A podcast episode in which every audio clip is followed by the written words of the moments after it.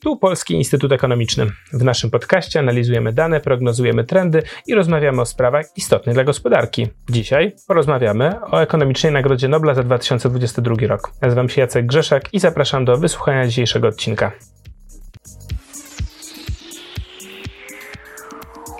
Ze mną jest Łukasz Baszczak z zespołu ekonomii behawioralnej. Cześć Łukaszu. Cześć. W poniedziałek poznaliśmy nazwiska trójki laureatów tegorocznej nagrody imienia Alfreda Nobla w dziedzinie ekonomii. Ben Bernanke, Douglas Diamond i Philip Dybvig. Tak jak już to się zdarzało w historii, to w tym roku niejako dwie oddzielne nagrody za różne badania, choć w tym samym obszarze i dlatego wyróżnione wspólnie, więc Komitet Noblowski wskazał z jednej strony Bena Bernanke, a z drugiej strony duet Diamond Dybvig, autorów dosyć znanego modelu, znanego pod ich nazwiskami. To może na początku Zapytamy o, o, o, pierwszego pana, profesora Bernanke, który bardziej znany jako szef amerykańskiego Fedu, czyli Banku Centralnego w tych kluczowych latach kryzysu finansowego. Dlaczego tak się wydarzyło, że Nobla dostaje były prezes Fedu? Tak, on był szefem Fedu 2006 do 2014 roku, e, ale faktycznie jego szczyt, szczytowa aktywność naukowa przypada na dwie ostatnie dekady XX wieku. Faktycznie ma zasługi naukowe, między innymi jako historyk, że historyk e, badający, historyk ekonomiczny badający wielki kryzys z końca lat 20. XX wieku. No i współtwórca, współautor takiego modelu, czy takiego czegoś, co się nazywa akceleratorem finansowym, mnożnikiem finansowym. Więc on faktycznie ma pewne, pewne zasługi naukowe, natomiast jako szef Fedu zasłynął przede wszystkim dość odważną, a nawet bardzo odważną, jak na ówczesne czasy, polityką pieniężną, niestandardowymi narzędziami, luzowaniem ilościowym. był proponentem bailoutów dla instytucji finansowych. No i mówi się, że właśnie dzięki temu, że miał taką wiedzę na ten temat, to mógł tak szybko reagować, czy wiedział, że tak szybko trzeba reagować. Kiedy odchodził w 2014 roku, pojawiły się głosy, że może powinien dostać Nobla, ale pokojowego za to, że oszczędził um, Ameryce czy światu takiej recesji, jaka wystąpiła w XX wieku. A z drugiej strony polityka ówczesna amerykańska cały czas budzi wiele kontrowersji. No przecież e, wielu ludzi się oburza na te bailouty, czyli, czyli budżetowe i też e, przez Fed właśnie wspomaganie upadających banków i przedsiębiorstw finansowych ale chyba wydaje mi się, że problemem, który wzbudza takie emocje w, w kontekście kryzysu jest raczej to, że no, nie rozliczono, może nie, nie, nie przypięto takiej personalnej odpowiedzialności ludziom zarządzającym tym instytucjom, a niekoniecznie Fedowi, bo kiedy Bernanke w 2006 roku obejmował tę funkcję, no to już, już były głosy, na przykład Robert Schiller, który dostał Nobla w 2013, już wtedy ostrzegał, że jest bańka na rynku nieruchomości.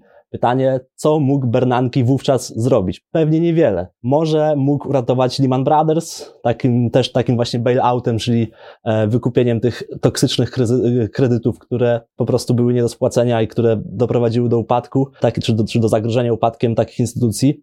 Tu akurat się wstrzymał, ale już od 2009-2008 roku uratował wiele, znaczy polityka Fedu i polityka rządu amerykańskiego, fiskalna i monetarna, ratowały wiele instytucji i banków przed upadłością. W związku z tym prawdopodobnie nie mieliśmy takiego kryzysu jak pod koniec lat 20., gdzie zagrożenie upadłością dotyczyło połowy banków amerykańskich. Tutaj no, kilku, niskich kilku procent kiedy sobie spojrzymy na dynamikę PKB amerykańskiego, no to w szczycie kryzysu tego dwudziestowiecznego wielkiego kryzysu mieliśmy nawet 13 punktów na minusie procentowych. Tutaj niskie kilka procent, procent na minusie i już po pięciu latach dochody na tym samym poziomie co przed kryzysem. Przede wszystkim udało się zatrzymać, udało się podtrzymać, można powiedzieć, szybko wrócić do e, akcji kredytowej banków. Znaczy banki przestały dzięki temu szybko przestały obawiać się pożyczać i w 2011 roku już znów pożyczały mniej więcej tyle samo, co przed kryzysem. Dzięki temu recesja była mniejsza. A skąd wiemy, że dzięki temu recesja była mniejsza? No właśnie dlatego, że Bernanki, no i pozostała dwójka także, czyli ten właśnie, kiedy mówimy o tym pojęciu akceleratora finansowego, no to właśnie to jest coś, co obrazuje, dlaczego kryzys na sektorze finansowym,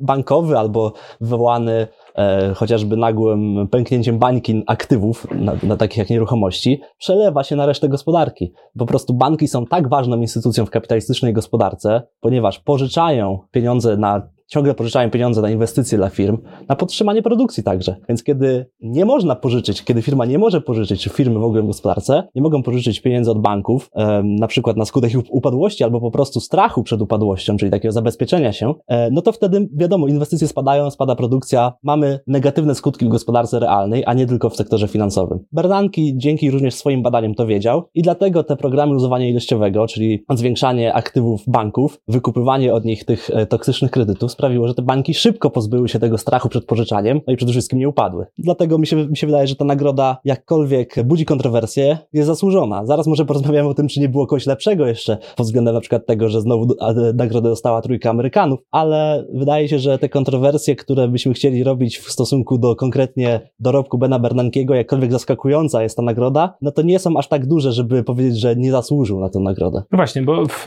to jeszcze, jeszcze będziemy za chwilę o tym mówić, jak chodzi o, o te czasy Bernankiego, faktycznie warto zaznaczyć, że został tym szefem Fedu w 2006 roku, czyli na chwilę przed tym kryzysem w zasadzie, bo to już był 2007 rok, tak? Dobrze pamiętam, że Lehman Brothers to już tak. 2007 rok, więc faktycznie to jest, jak rozumiem, ta kontrowersja związana szczególnie w takim popularnym odbiorze, takim społecznym, tej złości właśnie na, na kryzys i na tych bankierów, którzy doprowadzili do kryzysu, że ta polityka bailoutów z takiego punktu widzenia społecznego się kojarzy z tym, że właśnie mamy zarabiających bardzo duże pieniądze bankierów, którzy doprowadzają swoją bardzo niemądrą, nieodpowiedzialną i nastawioną na własny zysk polityką, doprowadzają do kryzysu, a następnie dostają ogromne wsparcie od państwa. No tylko tak jak zwracasz uwagę, faktycznie mówimy z jednej strony o odpowiedzialności osobistej konkretnych osób i i tu faktycznie mm, pewnie będzie jeszcze dyskusja, jest potrzebna dyskusja, na ile te osoby zostały karane, ale to druga rzecz, to co mówisz, czyli ta stabilność banków ten główny temat tegorocznej Nagrody Nobla, czyli właśnie rola banków i rozumiem stabilność tak, banków, tak. czyli że jakby to były osoby, ci bankierzy, które reprezentowały bardzo ważne instytucje społecznie, tak? I że tak, te bailouty tak. były z punktu widzenia tych instytucji i społeczeństwa, a nie z punktu widzenia interesu tych konkretnych bankierów, tak? Tak, to znaczy obie,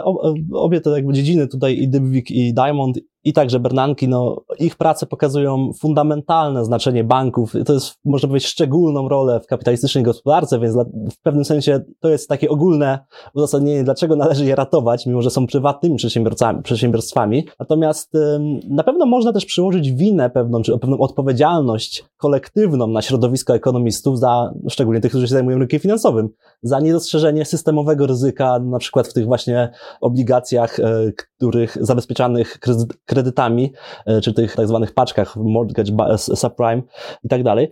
W związku z tym faktycznie jakkolwiek można rozumieć taką niechęć do, do, do, do nagradzania osób związanych z tamtymi czasami, również od tego środowiska naukowego, no bo nie wszyscy ekonomiści przewidzieli ten kryzys, właściwie większość nie przewidziała napisano tonę artykułów na ten temat, dlaczego, jakie wady w samej ekonomii jako dyscyplinie wystąpiły, że nie udało się tego zrobić. No więc można mieć pewne zastrzeżenia, ale no nie, nie powiedziałbym, że akurat Bernanki tutaj zasługuje na jakąś szczególną krytykę. Faktycznie bardziej chodzi o odpowiedzialność tych finansistów, tych, tych ludzi w bankach, tak. No rozumiem, że z punktu widzenia banku centralnego to raczej trzeba szukać odpowiedzialności Alana Greenspana, rozumiem, który był poprzednikiem Bernankiego, bo jak rozumiem, to za kadencji Greenspana też była luzowana te różne regulacje dotyczące, dotyczące banków, tak, bo jak rozumiem, rozumiem też w uzasadnieniu zresztą tej decyzji Komitetu Noblowskiego jest właśnie o, o tej istotnej, dostrzeżeniu tej istotnej roli banków, ale też konieczności regulacji banków, którą dostrzegał Bernanke, a jak rozumiem w mniejszym stopniu trochę dostrzegał jego poprzednik, co być może mogło się trochę przyczynić też, jak rozumiem, do tego kryzysu, tak? Tak, tak. No,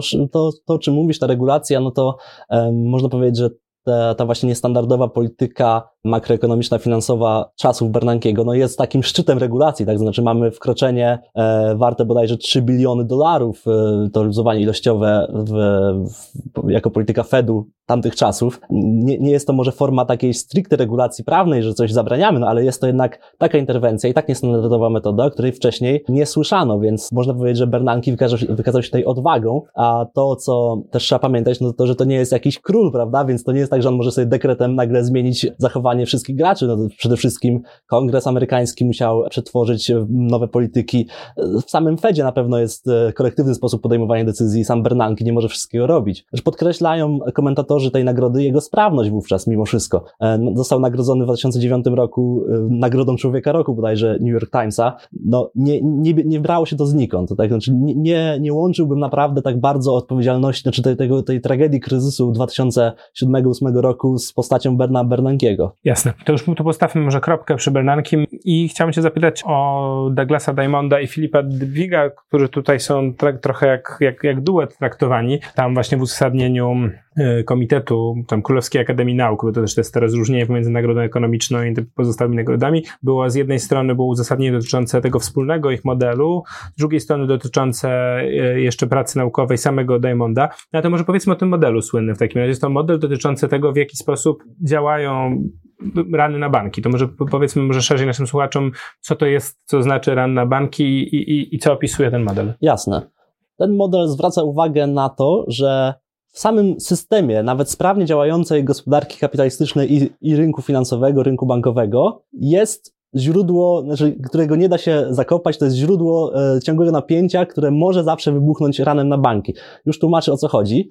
Mianowicie po stronie aktywów banków znajdują się kredyty, których bank udzielił firmom, ludziom, konsumentom, na hipotekom i tak dalej. A po stronie pasywów depozyty. No to jest taki bardzo uproszczony, standardowy model, którego uczą się studenci na pierwszym roku. No i różnica polega na tym, że jak komuś udzielimy kredytu na mieszkanie, czy bank udzieli, pod hipotekę tego mieszkania, na przykład, które się buduje albo które już jest, no to trudno od razu, kiedy na przykład e, pojawi się pewien problem z płynnością, trudno od razu wymagać zapłaty za ten kredyt, prawda? To nie jest tak, że któryś bank nagle, kiedy mam kredyt, podejdzie, mhm. słuchaj, musisz mi jednak oddać pieniądze teraz, a nie w ciągu 30 lat. E, natomiast my, jako klienci banków, możemy w każdej chwili powiedzieć, pójść do banku, powiedzieć, proszę moje wszystkie pieniądze z moich kont. I kiedy wszyscy klienci tego banku, albo znaczna duża, duża część klientów danego banku to zrobi, to pojawia się w bankach problem z płynnością. To znaczy bank po prostu nie ma tyle pieniędzy, ile ma zapisanych jako suma depozytów, no bo część właśnie jest niepłynna, czy, nisko, czy ma niską płynność, czyli to są właśnie te aktywa, które są kredytami, na przykład długoterminowymi. E, no i to jest podstawowy problem, ponieważ takie rany na banki zdarzają się. Znaczy wiemy z historii, one się zdarzają w każdej dekadzie w różnych krajach. I Diamond i Dybvik to, to nie są odkrywcy tego ranu na banki oczywiście, no bo największe mieliśmy na przykład właśnie w czasach wielkiego kryzysu.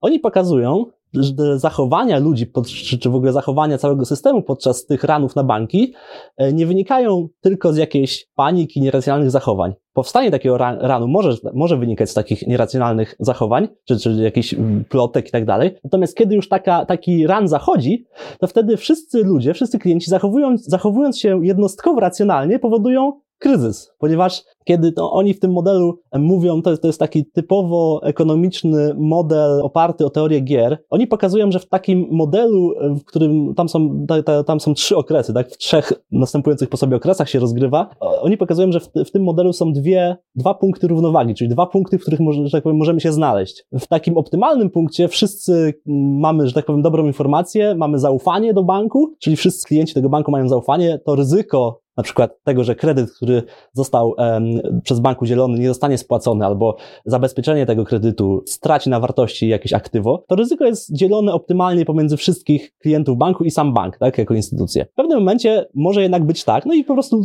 ten, kto chce, może sobie wypłacać, większość ludzi nie wypłaca, nie ma żadnego zagrożenia. Ale drugim punktem równowagi jest, jest taki punkt, kiedy wszyscy klienci wypłacają, ponieważ Spodziewałem się, że w następnym okresie bank już nie będzie w stanie wypłacić ich pieniędzy. Jeśli się te, czegoś takiego spodziewamy, naj, najbardziej racjonalnym zachowaniem jest jak najszybciej pójść do banku i wypłacić swoje pieniądze. Oni piszą wręcz o tym, znaczy pisz, piszą dosłownie o tym, że przyczyn takiego mm, załamania zaufania może być bardzo wiele. To może być właśnie coś zupełnie irracjonalnego, jakaś plotka.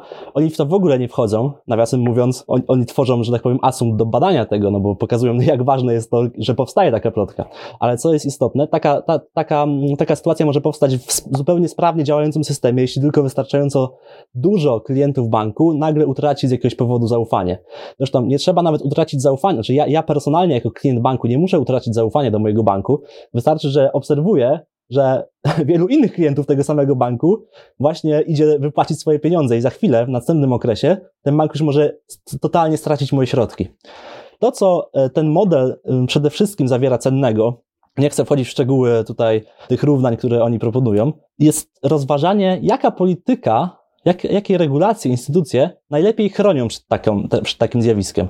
No bo tak jak wspominałem, w czasach, w czasach wielkiego kryzysu rany na banki się zdarzały, no i jak już wiemy z badań Bernankiego, zresztą wydanych w tym samym roku, co tamten model, one oddziałują, że tak powiem, to jest taka fala uderzeniowa w całej gospodarce. Więc w interesie nas wszystkich jest to, żeby wprowadzić takie regulacje, które temu zapobiegają. Jakie?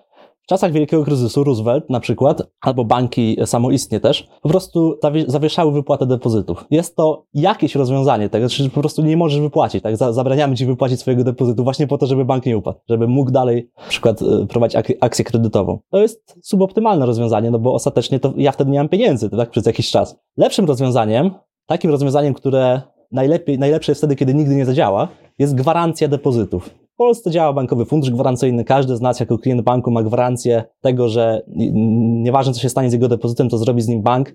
On jest w stanie, obywatel jest w stanie odzyskać 100 tysięcy euro, które miał, znaczy do 100 tysięcy euro, jeśli, hmm. jeśli tyle miał na koncie, to tak właśnie działa bankowy fundusz gwarancyjny. Dybwik i Diamond nie są też twórcami tych pomysłów funduszu, fund, znaczy gwarantowania środków na koncie. No, on już działał, ale oni pokazują, że w tym modelu takie rozwiązanie jest właściwie optymalne, bo ono właściwie eliminuje powód, dla którego część klientów miałaby się, miałaby się zacząć racjonalnie obawiać o to, że straci swoje środki. Bo wcześniej, nieważne, jeśli tylko wystarczająca duża część klientów zaczęła tracić zaufanie, to reszta klientów zupełnie racjonalnie powinna stracić zaufanie. Wtedy już to jest mechanizm samospełniający się przepowiedni. Tutaj ci klienci mogą się czuć bezpiecznie, że no dobrze, bank upadnie, ale ja odzyskam swoje środki. Jeśli tylko mam poniżej 100 tysięcy euro, na przykład w Polsce, no to to jest bardzo dużo, prawie nikt tyle nie ma, więc takie rozwiązanie po prostu eliminuje mechanizm, który opisuje ten model, a który może się odbić, odbić właśnie bardzo negatywnie w dalszych krokach na gospodarce realnej. Widzieliśmy to w czasie właśnie kryzysu 2007-2008 roku.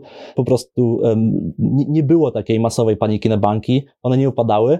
W związku z tym można powiedzieć, że ta część makroekonomii stoi, y, jest, jest odkryta przez nas i jest dobrze zrozumiana. Nawet jeśli nie rozumiemy doskonale, to już pewnie są badania właśnie psychologii społecznej, ekonomii behawioralnej, dlaczego takie paniki mogą nagle wystąpić, dlaczego ludzie mogą, czy wystarczająca część ludzi może nagle stracić zaufanie do banków, wiemy przynajmniej, jak temu zapobiegać, no i wiemy, jak to, jak taka sytuacja mogłaby się rozwinąć w kryzys po prostu ogólny.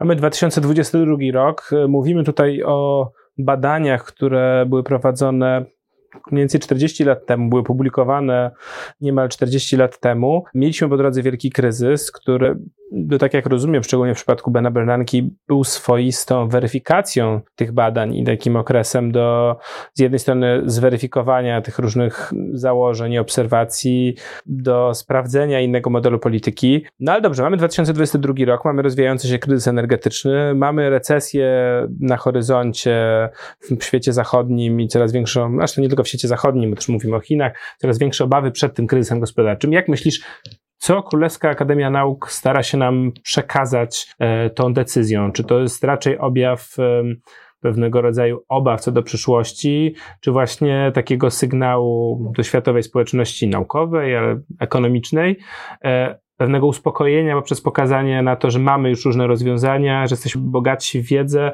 i że właśnie to doświadczenie kryzysu gospodarczego 2008 roku, który nie był aż tak straszny, jak mógłby być, że one właśnie są krzepiące w pewien sposób. Myślę, że tak można właśnie interpretować tę nagrodę jako próba takiego trochę dyskursywnego e, wzbudzenia zaufania do światowego systemu finansowego, że przynajmniej nawet jeśli by się coś złego stało właśnie przez ryzykowne, złe decyzje finansistów, no to przynajmniej wiemy, jak temu zapobiegać, znaczy, albo łagodzić skutki. Albo nawet stopnia. nie finansistów, okej, okay, no bo teraz mamy taką sytuację, w której źródłem problemów jest gospodarka realna, źródłem problemów jest sytuacja surowcowa, jest wojna, działania Rosji, więc to jest inna sytuacja niż w 2007, gdzie to wyszło z sektora finansowego. No rozumiem, że teraz to idzie z sektora tego energetycznego, ale jak rozumiem, tak czy siak e, ta obawa właśnie dotyczy tego, czy przełoży się na system finansowy, nie? Tak, tak. Trudno jest to interpretować e, aż tak bardzo działanie Komisji Noblowskiej. Na na pewno wszyscy ci autorzy byli wysoko w rankingach cytowań i tak dalej, więc pewnie, pewnie, znaczy to jest uzasadniona decyzja, natomiast w ostatnich latach nagradzano badania z lat 90., z połowy lat 90. nawet, a tutaj badania, które, no, których najważniejsze artykuły to jest rok 1983, więc już faktycznie 40 lat, ale myślę, że można w pewnym sensie tak właśnie interpretować, że to jest takie pokazanie, zobaczcie, mamy sprawdzoną empirii, teorię, jak działać w przypadku kryzysów bankowych. Nie jestem w stanie oszacować, czy powiedzieć jakoś sensownie, na ile teraz występujemy, czy, czy są jakieś czynniki ryzyka gdzieś w Chinach, na przykład załamania się właśnie systemu finansowego banków, no jest tam pewien kryzys na rynku nieruchomości, e, raczej nie tak chyba potężny jak w 2007 roku w Ameryce, więc pewnie są tutaj różne oceny, ale tak czy inaczej, no dzisiaj możemy trochę być spokojniejsi, no bo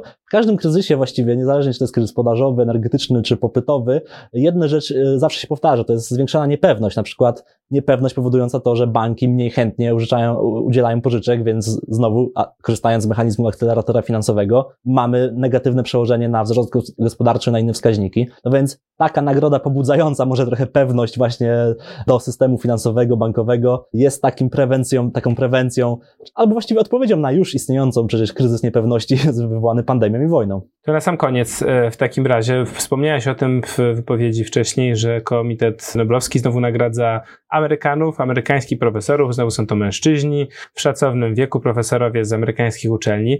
No to moje pytanie do ciebie jest takie, czy uważasz, że faktycznie tylko Amerykanie mają coś ciekawego do zaproponowania w naukach ekonomicznych, a jeśli nie, no to kogo miałbyś, kogo byś zaproponował Komitetowi Noblowskiemu do rozważenia w przyszłym roku? Amerykańsko-centryczność ekonomii to jest e, rzecz naprawdę, którą można, o której można długo rozmawiać. Zresztą w moim tekście do tygodnika gospodarczego e, Polskiego Instytutu Ekonomicznego na temat noblistów wskazywałem, jak bardzo amerykańsko-centryczna jest to nauka. No proszę Państwa, na 92 osoby, które otrzymały tego ekonomicznego Nobla, 67 to są Amerykanie. Tylko 9 razy, ta nagroda jest przyznawana od 53 lat, tylko 9 razy był taki rok, w którym żaden obywatel USA nie otrzymał e, tej nagrody. A już nie wspominając o, o kobietach, których tylko dwie były laureatkami. Wydaje mi się, że jest to no, pewien problem. On jest, to jest taka samo napędzająca się spirala, no bo e, wiemy też, że Komisja Noblowska, czy w ogóle po prostu środowisko bardzo patrzy na właśnie rankingi cytowań w najlepszych najlepszych czasopismach i tak dalej. Najlepsze czasopisma amerykańskie są, są właśnie amerykańskie, to jest tak zwana top five, tyrania najlepszej piątki. Więc jeśli tam publikujemy, a mamy większe szanse tam publikować, jeśli jesteśmy Amerykanami, no to wtedy łatwiej dostaniemy Nobla. A je, o ile większe szanse mamy tam publiko- mamy na publikowanie tam, jeśli jesteśmy Amerykanami, otóż według badań z 2013 roku 70% artykułów publikowanych w najlepiej, e, w tych pięciu najbardziej prestiżowych czasopismach ekonomicznych jest autorstwa Amerykanów. 70%, 20% są Europejczycy, a cała reszta świata to jest 10%.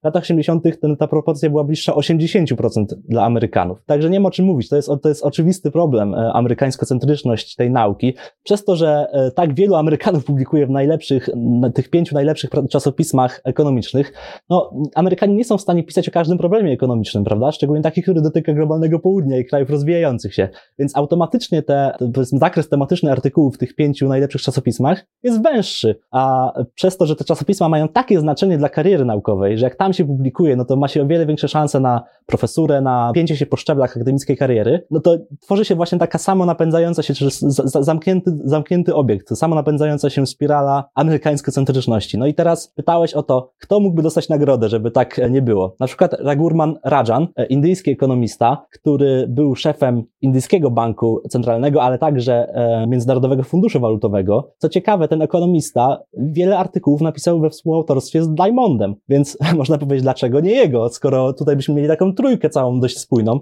On też się zajmuje oczywiście systemem finansowym. On też, no, też, też, był właśnie tym policy makerem, tak, jako szef wielu instytucji finansowych, więc wydaje mi się, że taka osoba na przykład, a, a, a jest w rankingu cytowań chyba cztery miejsca za Bernankim, który jest na 29 miejscu. No więc można było na przykład takie, takiej osobie dać. Jeśli chcieliśmy wybrać kobietę, może Carmen Reinhardt, która bada z kolei e, między innymi inflację, ale też system finansowy. No ona jest także bardzo wysoko w tych wszystkich e, rankingach cytowań, jest makroekonomistką. Można powiedzieć, no wydaje się, że jest komu dawać tę nagrodę. Jeśli chcielibyśmy już niekoniecznie koncentrować się na systemie finansowym, no to yy, mamy czas wojny, można by byłoby dać komuś, kto badał na przykład relacje między wydatkami na zbrojenia, a, a różnymi elementami gospodarczymi. Chyba jednym z najbardziej oczekujących na Nagrodę Nobla ekonomistów jest Darren Acemoglu, e, który badał bardzo wiele rzeczy. Najbardziej płodny chyba tak. publikacje ekonomista światowy. Tak, tak, no właśnie, ale tutaj, jak rozumiem, komisja chciała zachować jakąś spójność tematyczną, no ale tu już wymieniłem przynajmniej dwie osoby, które mogłyby